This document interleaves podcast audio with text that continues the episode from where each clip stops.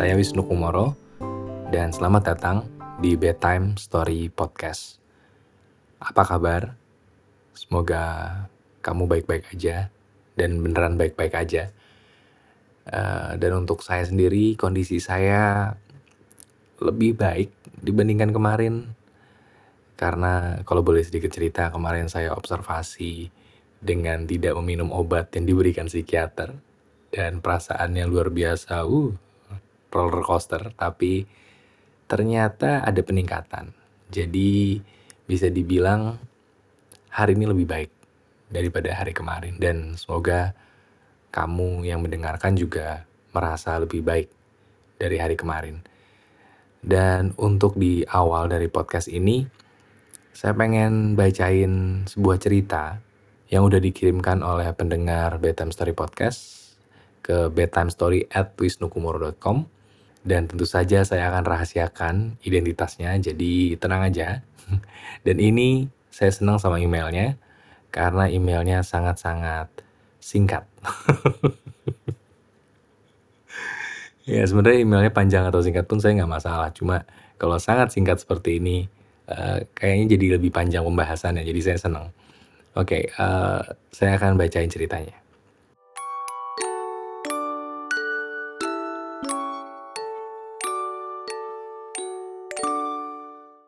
Hai Mas Wisnu, saya pengen buang cerita perihal pengalaman saya putus sama pacar tahun lalu. Saya pacaran sama dia udah cukup lama, hampir 4 tahunan. Dan tahun lalu hubungan kami benar-benar sulit terutama dalam hal waktu untuk spend time barengan. Dikarenakan dia sibuk sama kegiatan organisasinya di kampusnya dan saya yang sibuk sama urusan di kampus saya. Hingga akhirnya kita setuju untuk memutuskan hubungan kami. Tapi setelah kami putus, saya masih berhubungan baik sama dia. Soalnya dia bilang, kalau udah putus jangan jadi orang asing. Dia bilang meskipun udah putus kita masih bisa sahabatan saya juga setuju sama dia. Meskipun sebenarnya saya masih punya rasa dan masih sayang sama dia. Itu sih cerita yang pengen saya buang di sini sekalian minta saran cara move on yang tepat dari mantan yang sekarang jadi sahabat baik. Terima kasih.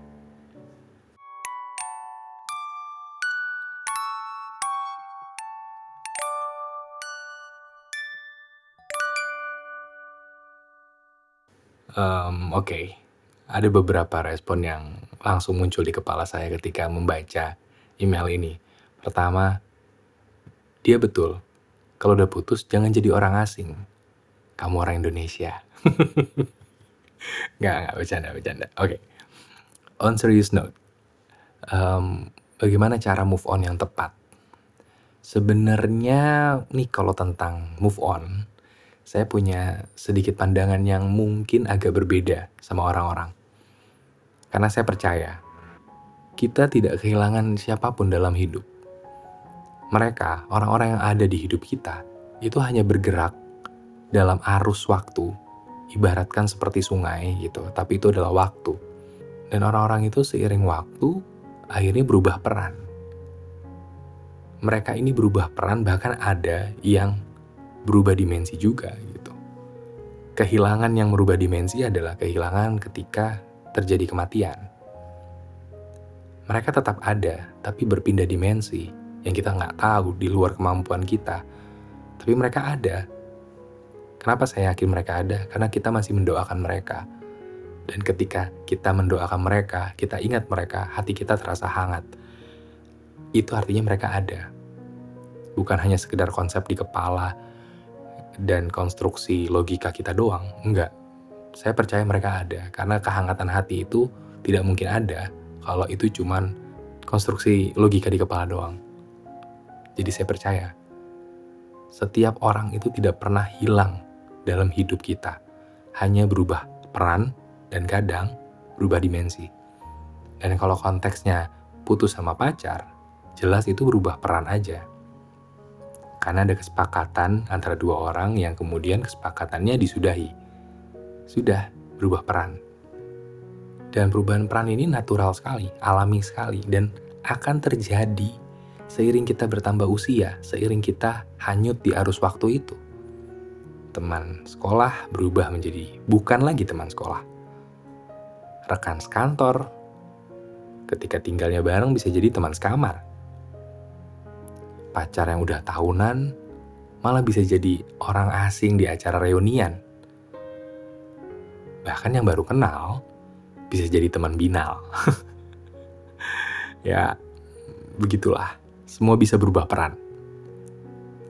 Dan apakah semua itu tergantung sama kita? Ya jelas enggak. Karena setiap orang setiap manusia, mereka punya peran masing-masing bergerak di arus waktunya masing-masing.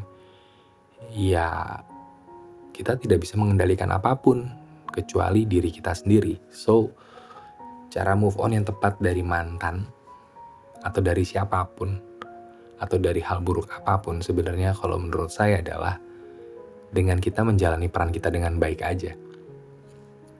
Sekarang peran kita apa? Bagi siapa?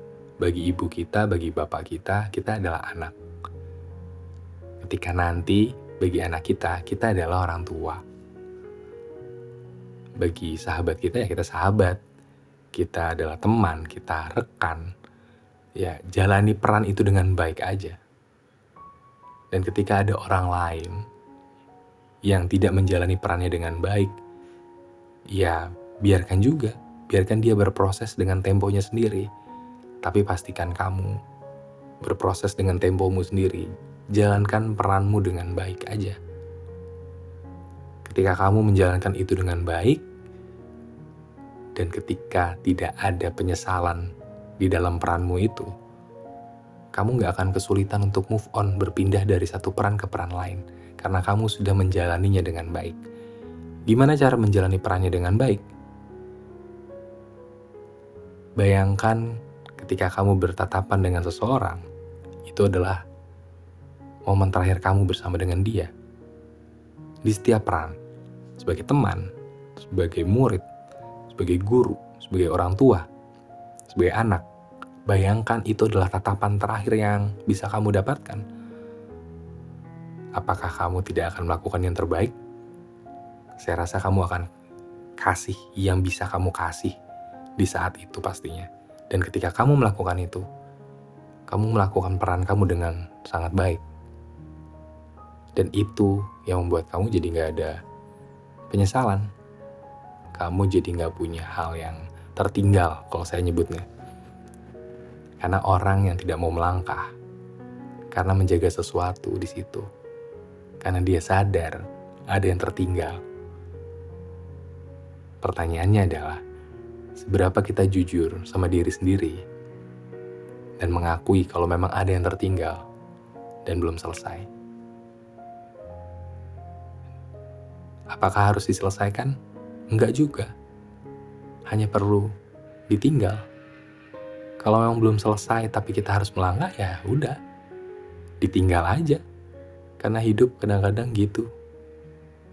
Gak perlu selesai dalam satu hal tapi kita sudah dipaksa untuk pergi ke ruangan yang lain, berubah peran menjadi yang lain. Kalau orangnya berfokus di hal tersebut terus-menerus, ya itu akan jadi penyesalan seumur hidup. Padahal kita nggak akan pernah bisa kembali ke titik itu. Sayang energinya. Semakin kita menyesali, kita ingat di momen sebelumnya kita ada hal yang belum selesai, membuat kita tidak optimal di momen yang sekarang lalu kemudian kita pindah lagi ke momen berikutnya menyesali oh yang itu juga nggak selesai juga tuh. Terus ah itu juga nggak selesai nggak selesai. Seperti penumpukan hal-hal yang tidak selesai malahan. Gimana kalau kita memutuskan rantai itu dan kita berfokus di peran kita saat ini lakukan yang terbaik agar tidak ada lagi penyesalan. Jadi kepada siapa pun namanya ya yang mengirimkan cerita ini. Terima kasih sudah mengirimkan ceritanya. Dan saran saya karena kamu meminta saran dari saya. Jalani peranmu dengan baik saat ini, menjadi sahabatnya, menjadi temannya. Ketika kamu sudah bisa menjalani itu dengan baik, mungkin saja nanti kalian akan bertemu lagi dengan peran yang baru atau kembali ke peran yang lama. Jadi jalani aja dulu. Kamu masih muda juga. Dan paling itu ya sedikit uh, saran dari saya tentang cerita pendek ini. Dan sebenarnya juga ada beberapa cerita lain yang menarik dan masuk ke bedtime story podcast nih. Nanti saya akan coba telaah lagi, saya resapi ceritanya dan semakin saya lihat-lihat kayaknya uh, bobot ceritanya sangat bervariasi. Ada yang sangat ringan, ada yang sungguh sangat berat. Jadi nanti saya coba pilah-pilah lagi dan tentunya saya meminta konsen dari orangnya untuk apakah ini bisa untuk dibuat menjadi sebuah uh, sajian podcast. Kalau memang dia hanya ingin buang cerita tapi tidak ingin dijadikan uh, sebuah episode podcast, tentu saja saya tidak akan membuat episode podcastnya. Jadi ya, untuk teman-teman yang pengen buang cerita, silahkan aja ke bedtimestory@wisnukumoro.com. Dan karena kayaknya durasinya masih cukup ya. Kalau dari saya sendiri, um, ya belum ada cerita yang signifikan. Saya masih menjalani uh, pengobatan, bisa dibilang seperti itu, menjalani berbagai metode terapi. Uh, bahkan ada beberapa yang di luar pengetahuan dari psikiater saya. Dan uh, di hari di mana saya merekam ini, setelah ini selesai rekaman, saya akan konsul lagi dengan psikiater saya. Semoga dia eh, nggak uh, bete ya. Karena saya mencoba berbagai metode lain yang tidak dikonsultasikan terlebih dahulu ke dia sebelumnya. Um, ya, paling itu doang cerita saya. Saya belum ada cerita lain lagi. Karena ini aja udah berat buat saya. Jadi, ya paling segitu dulu. Sampai ketemu di ceritanya Wisnu Kumoro yang lainnya dan sampai jumpa juga dengan cerita-cerita lain di Bedtime Story Podcast berikutnya. Terima kasih sudah mendengarkan dan semoga kita semua bisa senang, kenyang, dan tenang selalu. Dadah.